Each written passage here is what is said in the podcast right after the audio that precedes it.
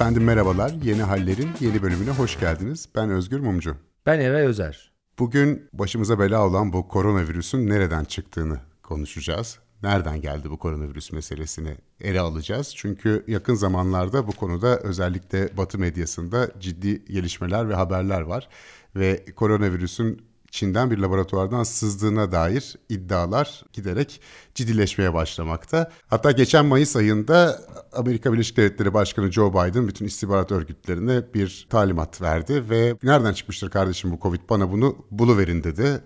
Kendilerine de 3 ay verdi. Bu 3 ay e, Ağustos ayının sonunda bitecek. Belki o dönemde e, o raporun sonuçlarıyla ilişkin bir program yaparız. Evet biz de o kadar zaman ya bu Covid hakkındaki komplo teorilerine inanmayın etmeyin derken Eray Bey kendimizi koronavirüsü efendim Çin'de laboratuvardan mı sızdı diye konuşurken bulduk. Allah'ın sopası mı dersin buna yoksa biz mi bir şeyleri atladık yoksa bütün dünya mı bir şeyleri atladı o dönemde ne dersin? Şey vardı ben bizim gençliğimizde Erik von Daniken diye bir abi vardı. O böyle şey yazardı. Tanrıların arabaları, tanrıların ayak izleri. Yok bilmem nerede Mısır'da tarla var. İşte yok UFO inmiş de böyle şekiller şekiller yapmış gitmiş bilmem nerede bilmem ne ağacı var. Onu uzaylılar budamış gitmiş filan gibi böyle iddialar vardı. Rahmetli olmuştur herhalde. Rahmetli ölmeden önce bir kitap daha yazdı. Yoksa yanıldım mı diye. Dedik ki Erik abi ne yaptın ya? Hani yıllarca okuduk okuduk Tanrıların arabaları falan. Filmini yaptılar hatta onun. Bizimkisi de o hesap. Yoksa yanıldık mı diye. Yok ya biz aslında bir şey yapmadık Özgür. Biz bilim dünyasında bilim insanları ne diyorsa okumaya devam ettik. Kaldı ki bugün de hala koronavirüsün nereden çıktığı konusunda yani doğada mı e, bulaştı bu bir başka hayvana ve oradan da insana yoksa bir laboratuvardan yanlışlıkla mı sızdırıldı konusunda henüz bir netlik yok. Evet Biden daha yeni Mayıs sonunda söyledi ama hani 3 ayın sonunda bu açığa çıkacak mı o da belli değil. Çoğu bilim insanına göre de çok geç kalındı. Kaldı ki geçen sene bizim komplo teorilerine kulak asmayın dediğimiz dönemde gerçekten iş böyle tevzirat noktasında böyle bir sürü saçma sapan fikir ortalıkta yok işte 5G ile bulaşıyor yok çip takıyorlar çıkartıyorlar Bill Gates dünyayı yönetiyor filan seviyesindeydi. E, bugün aynı şeyler aynı saçmalık düzeyini koruyor. Yani bu laboratuvardan da çıktıysa da kazara çıkmış bir şey. Niye kazara olduğunu biz okuduklarımız doğrultusunda ve dolayısıyla bilim insanları iddia ediyorlar. Oralara da geliriz zaten birazdan. Evet. Bir defa e, şu tartışılıyor Eray benim gördüğüm kadarıyla. Üç tane kaynak meselesinden bahsediliyor. Birincisi en çok şu anda hali hazırda bu arada bilim dünyasının ezici çoğunluğu hala bu fikirde. E, yarasadan bir ara konak hayvana geçmesi oradan insana bulaşması. Çünkü bu tip yarasalarda bulunan koronavirüslerin insana doğrudan bulaştığına dair henüz bir veri yok ellerinde bildiğim kadarıyla. İkincisi birazdan tartışırız. Acaba bu doğrudan mı yarasalardan insana bulaştı meselesi var. Üçüncüsü de laboratuvardan mı sızdı bu virüs? Üç tane ihtimal var. Neden böyle ihtimallerden yani neden laboratuvardan sızma meselesi şu anda ön plana çıkmış durumda e, alternatif izahlardan biri olarak? E, çünkü dünyada üç tane koronavirüs üzerine kapsamlı araştırma yapan laboratuvarlar da var. E, bunlardan iki tanesi Amerika Birleşik Devletleri'nde biri Texas'ta öbürü Kuzey Carolina'da. E, üçüncüsü ise bizzat Wuhan'da bulunuyor. Ve e, Wuhan'daki enstitü özellikle e, yarasalarda bulunan koronavirüslerin bulundurulduğu, üzerinde çalışmaların yapıldığı bir laboratuvar. Bu da doğal bu arada çünkü Çin'de bulunuyor en çok bu tip yarasalar ve daha önceki SARS vesaire gibi koronavirüsten kaynaklı hastalıkların önemli bir kısmının Çin kökenli olduğunu biliyoruz. Ama işte buradan mı sızdı? Yani dünyada 3 laboratuvar var ve o laboratuvarın olduğu şehirden çıkınca da doğal olarak böyle bir tartışma çıkmıştı. Fakat bu tartışmalar hemen Covid'in başlangıcında Şubat'ın 19'unda 2020 senesinde The Lancet dergisinde 27 bilim insanı bunun doğal olmadığına ilişkin bütün teorileri reddeden eden bir açıklama yaptıktan sonra bu tartışma neredeyse kapandı ta ki işte bu e, geçtiğimiz aylara kadar. Bu 27 bilim insanından da Özgür şu anda benim okuduğum 4-5 tanesi zaten fikir değiştirmiş durumda. Yani evet laboratuvardan çıkmış olabilir. Dolayısıyla bunun araştırılması gerekiyor diyor. Biliyoruz bilim dünyasında da hiçbir şey çok masum veya da tesadüflere bağlı ilerlemiyor. Orada da bazı ajandalar oluyor kendilerine göre bilim insanlarının. Şimdi meselenin ama en başına dönecek olursak ya bu virüs netice itibariyle bir yarasadan bir insana bulaşabiliyor mu diye Wuhan Viroloji Enstitüsü'nde bir takım çalışmalar çok uzun süreden beri yapılıyormuş. Bunu biliyoruz. Hatta ve hatta fonksiyon kazandırma denilen yani virüsün genetik yapısına müdahale eden çalışmalar da yapılıyor. Niye? Bu böyle işte biyolojik silah olsun yarın öbür gün milletin üstüne salarız diye yapılan şeyler değil.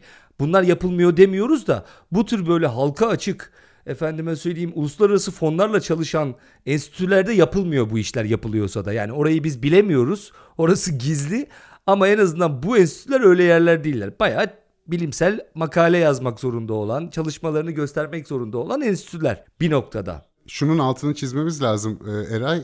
Şu zaten tartışılmıyor. Kimse şu anda biyolojik bir silah olduğunu ileri sürmüyor şu anki tartışmalarda. Çünkü biyolojik bir silah yapacaksanız herhalde e, öldürücülüğü nispeten düşük olan bir virüsü, tedavisi olmayan bir virüsü hem de virüs enstitünüzün hemen dibinden salmazsınız. Yani burada bir kazadan bahsediliyor. Eğer varsa da bu sızmanın bir kaza sonucu olduğu söyleniyor ve dünyada daha evvel örnekleri de var.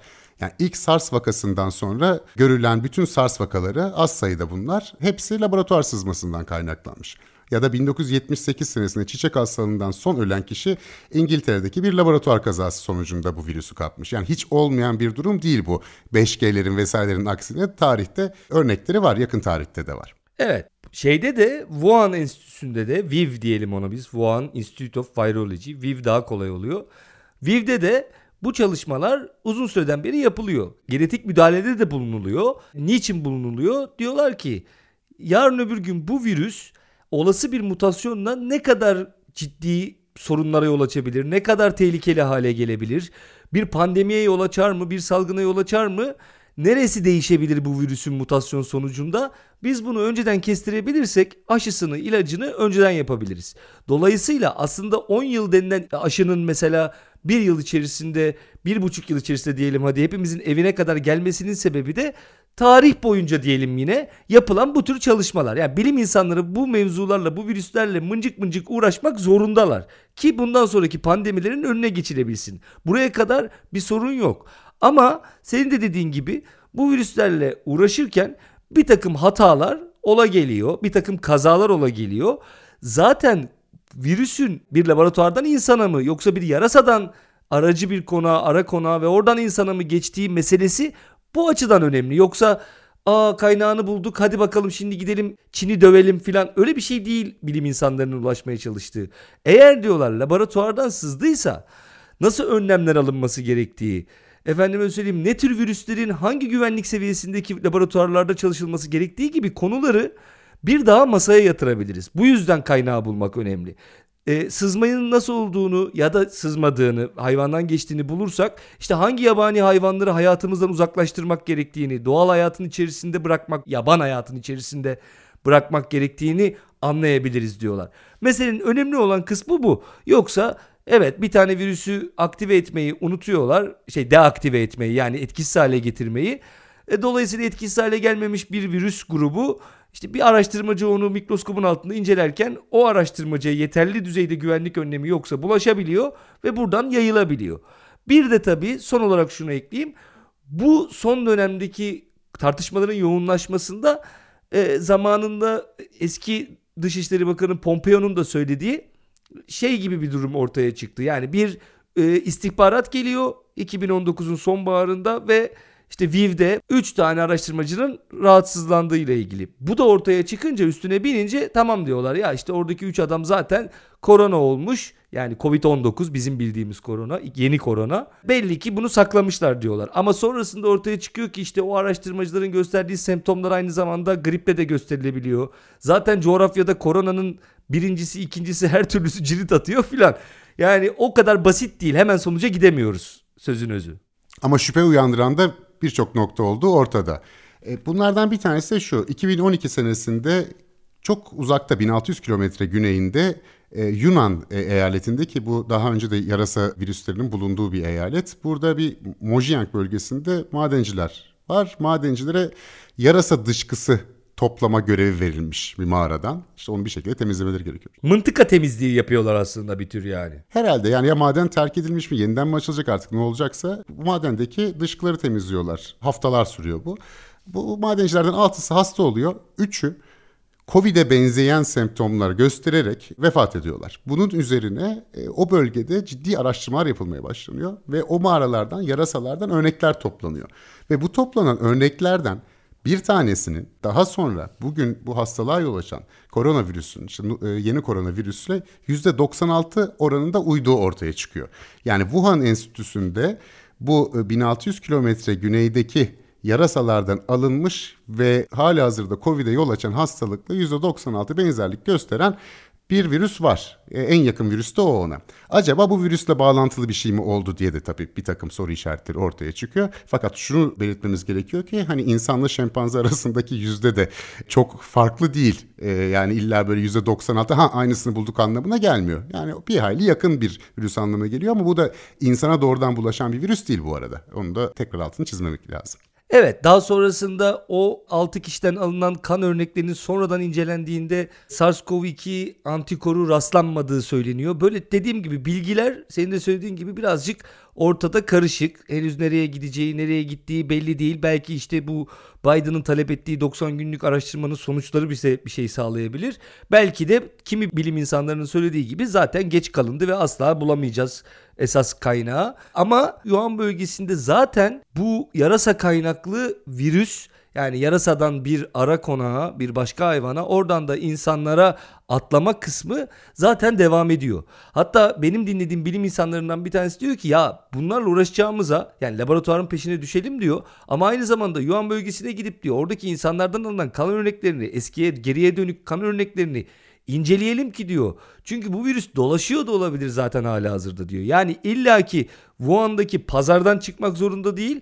Yine Yuan'da çıkmış. Oradan bir şekilde hayvanlar aracıyla Wuhan'a gelmiş. Orada yayılmaya başlamış da olabilir. Veyahut da son mutasyonunu diyor. Wuhan'a geldiği sırada geçirdi ve patladı gitti diyor. Yani çok kapsamlı bir araştırmaya ihtiyaç var. Fakat önemli olan şey şu. Vanity Fair'da çıkan ve çok uzun ve çok karmaşık bulduğumuz Özgür ve benim makaleyi okuduğumuzda şunu görüyoruz. Şimdi bu gizlenmeye çalışılmış ve bunun gizlenmeye çalışılması sadece Çin tarafından olmamış. Amerika da bunu gizlemeye çalışmış. İki nedeni var. Bir tanesi bu konularla ilgili yapılan çalışmalarda sağlanan fonlar yani Çin'in çalışmalarına dahi Amerika'nın sağladığı fonlar var. Yani Viv'deki, Wuhan'daki enstitüdeki çalışmaların bazılarının parası Amerika'dan gidiyor.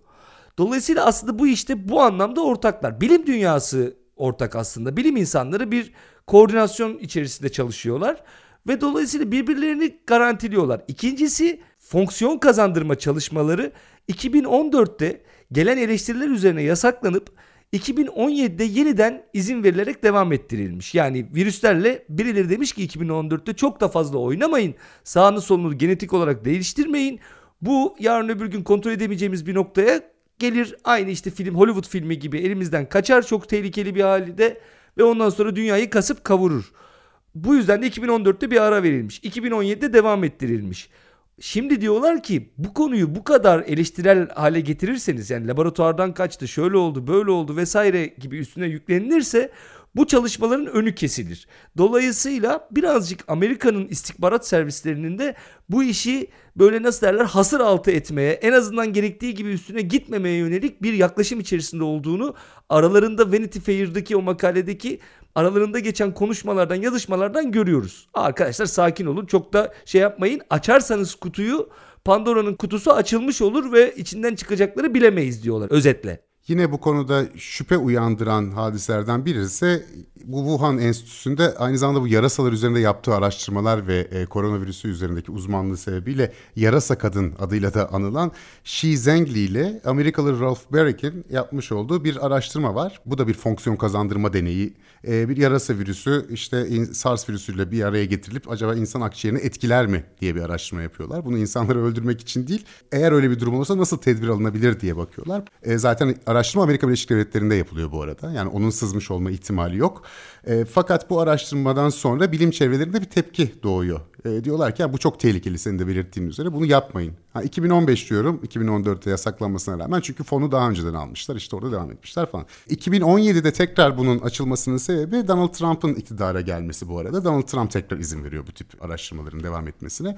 Bu arada bu tip araştırmalar hani hepsi zararlı olacak diye bir durum yok. Belki de insanın kurtuluşu bu tip araştırmalarla tabii onu da tekrar söylememiz lazım. Bir sorun da şu, e, Çin'deki Wuhan Enstitüsü'nün güvenliğiyle ilgili. Yani alınan güvenlik tedbirlerinin yetersizliğiyle ilgili bazı iddialar var. Sen de rastlamışsındır herhalde Eray değil mi? Evet evet 2018'de ilk BSL 4 seviyesinde güvenli laboratuvarı açıyorlar. Demek ki yani aslında oldukça geç bir zamandan bahsediyoruz. Çok tehlikeli virüslerle uğraşmak için BSL 4 dedikleri bir seviyeye ihtiyaç var. Bu nedir?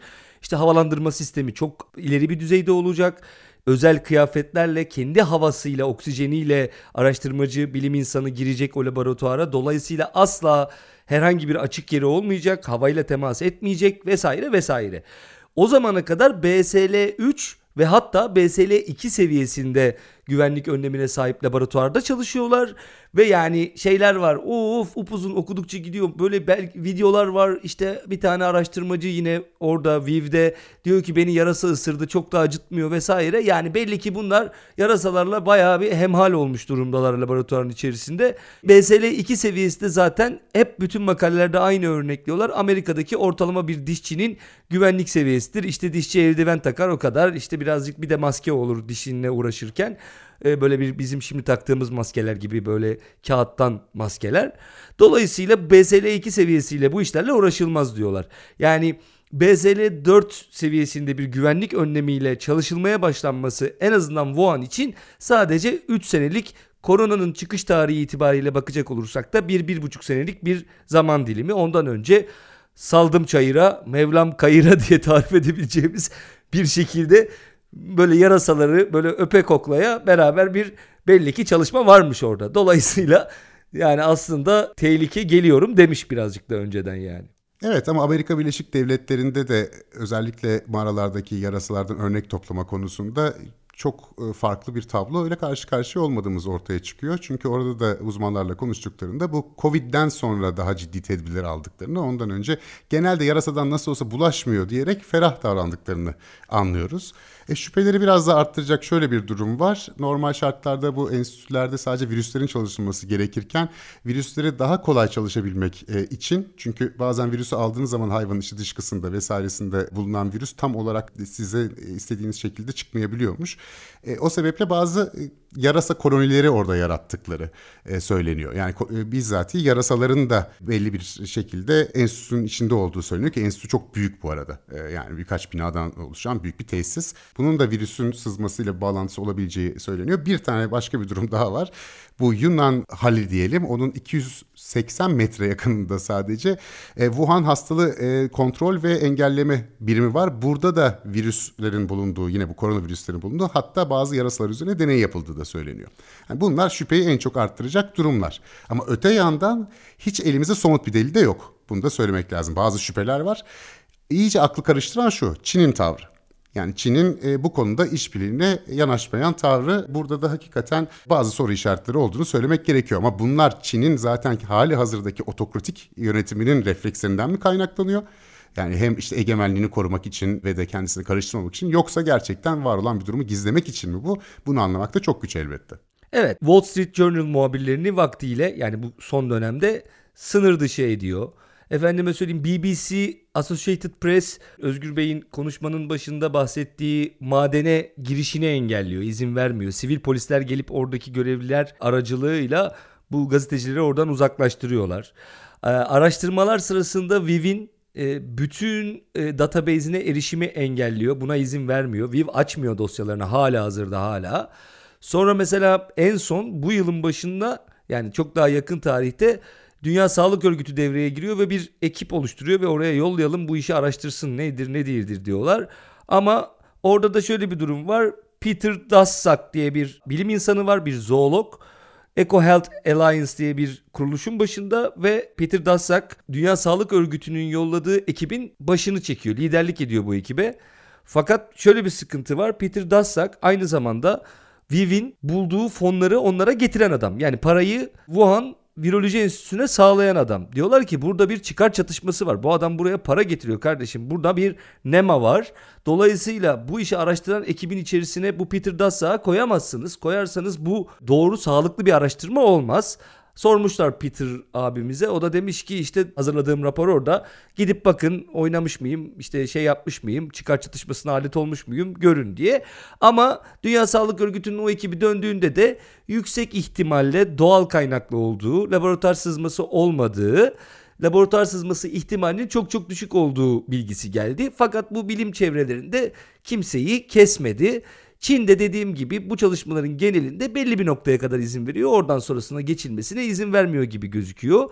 Bir çarpıcı örnek daha söyleyeyim. Mesela Avustralya yine virüsün kaynağına yönelik bir komisyon kurmaya karar verdiğinde Çin Avustralya'yı ambargo ile tehdit ediyor. Sizden diyor et ithalatını durdururuz ki Avustralya'nın en büyük gelir kalemlerinden bir tanesi. E Çin'in ne kadar kalabalık olduğu ve ne kadar et tükettiği de ortada. Avustralya o komisyondan vazgeçmek zorunda kalıyor. Keza aynı şekilde Amerika'ya maske gönderme konusunda sorun yaşayabileceği mesajları veriliyor. Dolayısıyla Amerika maske tedariği yapamam diye salgının başında yine aynı şekilde konunun üstüne fazla gitmiyor. Kendisinin fon sağlamasının gibi sebepler dışında ayrıca bir de böyle bir ambargo tehlikesiyle karşı karşıya kalıyor vesaire vesaire. Bunlar Amerikan basında yüksek sesle dile getiriliyor.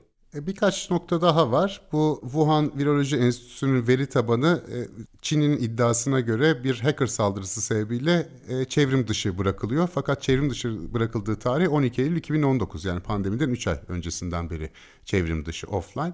Gerçekten böyle bir saldırı oldu mu ya da olduysa bile bunun başka şekillerde paylaşma yöntemleri yok mudur gibi bir tartışma konusu var. Ha, bir de işte bu %96 benzeyen bir virüs bulunmuş demiştik ki o madende. O madende bulunan virüsün de adının değiştirildiği anlaşılıyor ama bunun teknik bir sebebi mi var yoksa bir şeyleri örtbas etmek için mi yapıldı o da pek anlaşılmıyor. Bir de yine bu pandeminin hemen başında e, iki Çinli e, saygın bilim insanının yayınladığı bir ön rapor gibi bir metin var. Burada e, yani bu yarasalar kış uykusunda burada zaten yarasa yani bu bölgede bulunan e, yarasalar kış uykusunda pazarda da yarasa falan satılmıyor. Burada Wuhan Enstitüsü var 280 metre ötede hastalıkları engelleme merkezi var. E, ikisinde de virüs çalışmaları var. Büyük ihtimalle virüs laboratuvar kaynaklı olabilir diye bir rapor hazırlıyorlar. Bunu yayınlanıyor ve hemen çekiliyor bu yayın.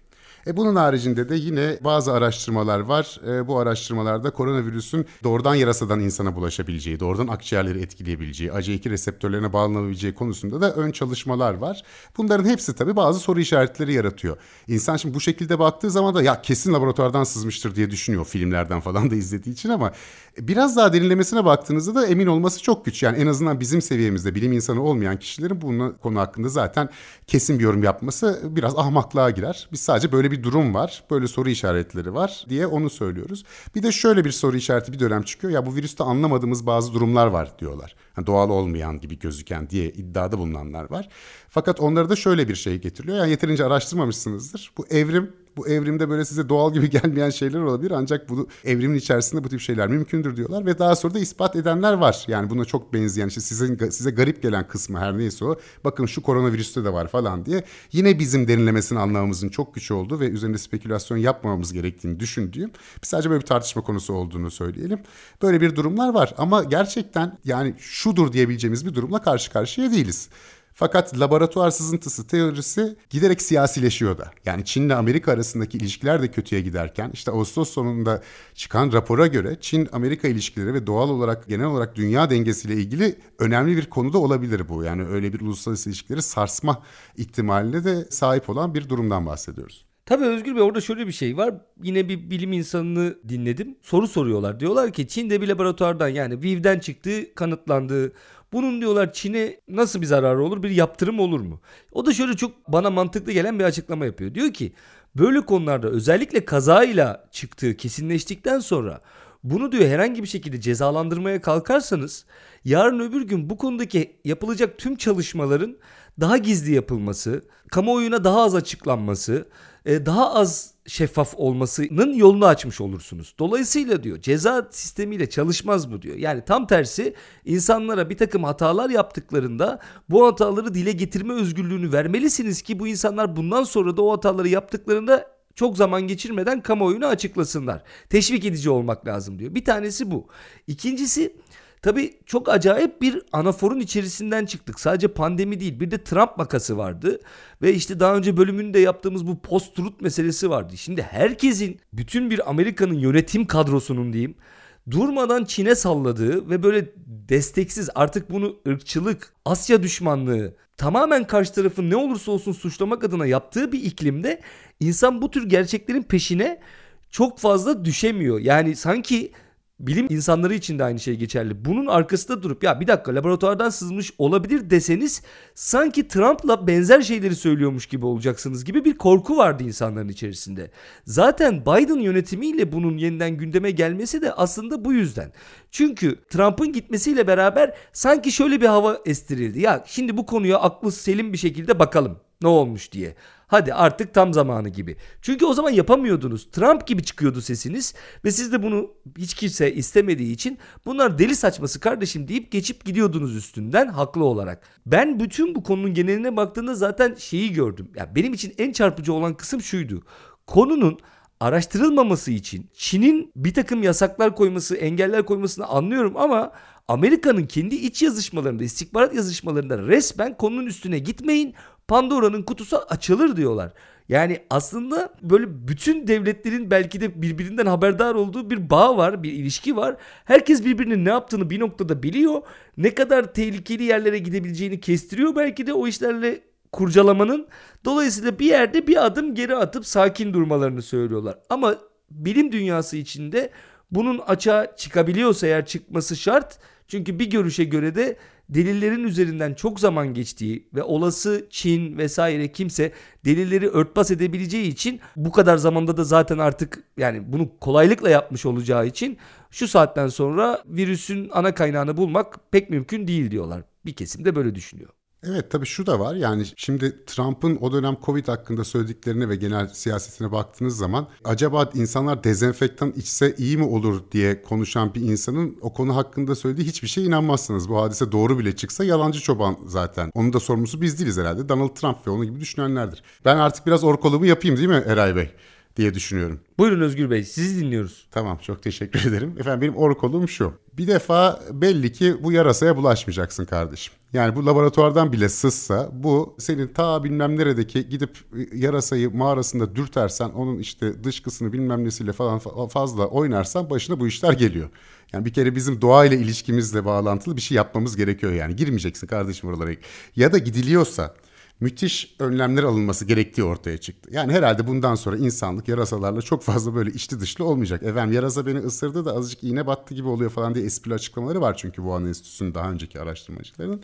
Ya da işte Amerikalı araştırmacılar da söylüyor yani biz de doğru düzgün bir tedbir almıyorduk diyorlar. İnsan yarasa ilişkisi konusunda çok sert kurallar almamız gerektiği çok açıkça ortada. Aynı zamanda laboratuvarlarla ilgili de tedbirlerin işte neyse artık onun standardı o dördüncü seviye midir, üçüncü seviye midir bunun da e, hakikaten çok çok sert bir şekilde uygulanması gerektiği ortaya çıkıyor. Çünkü daha önce de bazı sızma vakaları da var. Ama burada hiçbir ülkenin gerçekten yine şeytanlaştırılmaması gerekiyor. Belli bir işbirliğinin sürmesi lazım. Ama yine belli bir baskı da olması lazım ki eğer bir şey varsa da açıklasınlar. Yani böyle bir ara dere bir durum ve bütün bunlar gerçekten şu anda yükselen Çin-ABD ilişkisiyle alakalı olarak da bambaşka boyutlara taşınabilir. Yani bu hem yakın zamanda Hong Kong'da olanlar, Tayvan'da olması muhtemel olanlar, ciddi bir gerginlik var o, o coğrafyada. O bakımdan bir de bu boyutuyla izlememiz gerektiğini düşünüyorum. O benim orkolum şudur. Arkadaşlar yarasalardan uzak durun. Bir laboratuvarınız varsa tedbirlerinizi iyi alın ve hakikati saklamaya çalışmayın. Bakın eninde sonunda eğer varsa bir şey çıkacak. Yani eğer var ise ya da en azından o konuda bir tezvirat çıkacak. Senin de demin bahsettiğin üzere. Şöyle de bir sorun var fakat ben de orada bir bilim insanından bunu duydum. Eğer bu tam olarak delillendirilip ortaya çıkartılamazsa yani işte şu ara konakmış kardeşim bu değilmiş işte bulduk pangolin değilmiş de işte bilmem ne hayvanıymış falan gibi bu ortaya çıkartılamazsa yıllar boyunca biz bunu Kennedy cinayeti gibi konuşacağız diyor. Bir kere orası da kesin. Yani bunun kaynağı tam bulunamazsa yıllar boyunca o laboratuvardan sızdı meselesi işte 11 Eylül gibi Kennedy cinayeti gibi artık yeni e, ve çok e, önemli bir tartışma konusu olarak gündemimizde olacak gibi görünüyor. E, benim söyleyeceklerim efendim şimdilik bu kadar gibi gözüküyor. Buyurun Eray Bey. Özgür Bey ben konuyu biraz daha yani şeyi yarasalarla elleşmeyini biraz daha genişleteyim. İnsanda 260 tane virüsün Üçte ikisi çeşitli hayvanlardan bulaşıyormuş. Yani normalde bu evcil birkaç hayvan dışındaki köpeklerde, kedilerde bile aşılarını yaptırmazsan insana bir takım virüsleri bulaştırma riski var. Ya genel olarak çok fazla hayvanlarla özellikle yaban hayatındaki hayvanlarla bilmediğimiz, etmediğimiz bu tropikal, muropikal, Avustralya oralarda falan yani çok fazla insanın seviyeli bir ilişki kurması gerektiğini buradan zaten anladık. Tarih boyunca da bütün salgınlar böyle geçmiş. Haklısınız yani ama yarasayla kısıtlamayalım Özgür Bey. İşte bilmediğiniz pangolin, armadillo falan da böyle dürtüp oynamayın yani. Birincisi bu. Ya tabii Eray bunu zaten spillover efekt diyorlar. Yani insanın doğayla arasında bir çizgi lazım, bir bariyer lazım vahşi hayatla e, insan hayatı haricinde. Biz giderek medeniyetimiz büyüdükçe, nüfus sayımız arttıkça işte gidiyorsun o madeni falan 100 yıl önce belki o madenle alakan yoktu. Yani bizim bu genişlemeden ve vahşi hayata müdahale etmekten artık imtina edeceğimiz yeni bir düzen kurmamız gerekiyor. Hatta o da yetmez yani bazı coğrafyaları tekrardan vahşi hayata bırakmak için ağaçlandırmamız, yeniden oraların ormanlaştırılması falan da gerekiyor büyük ihtimalle. Yani o doğanın dengesini bozduk hadisesinin en güzel örneklerinden biri bu. Çünkü laboratuvardan çıktıysa da laboratuvarda üretilmedi herhalde yani. Yine vahşi hayattan geldi bir şekilde. Diyerek e, vahşi hayata elleşmeyin o zaman çok fazla.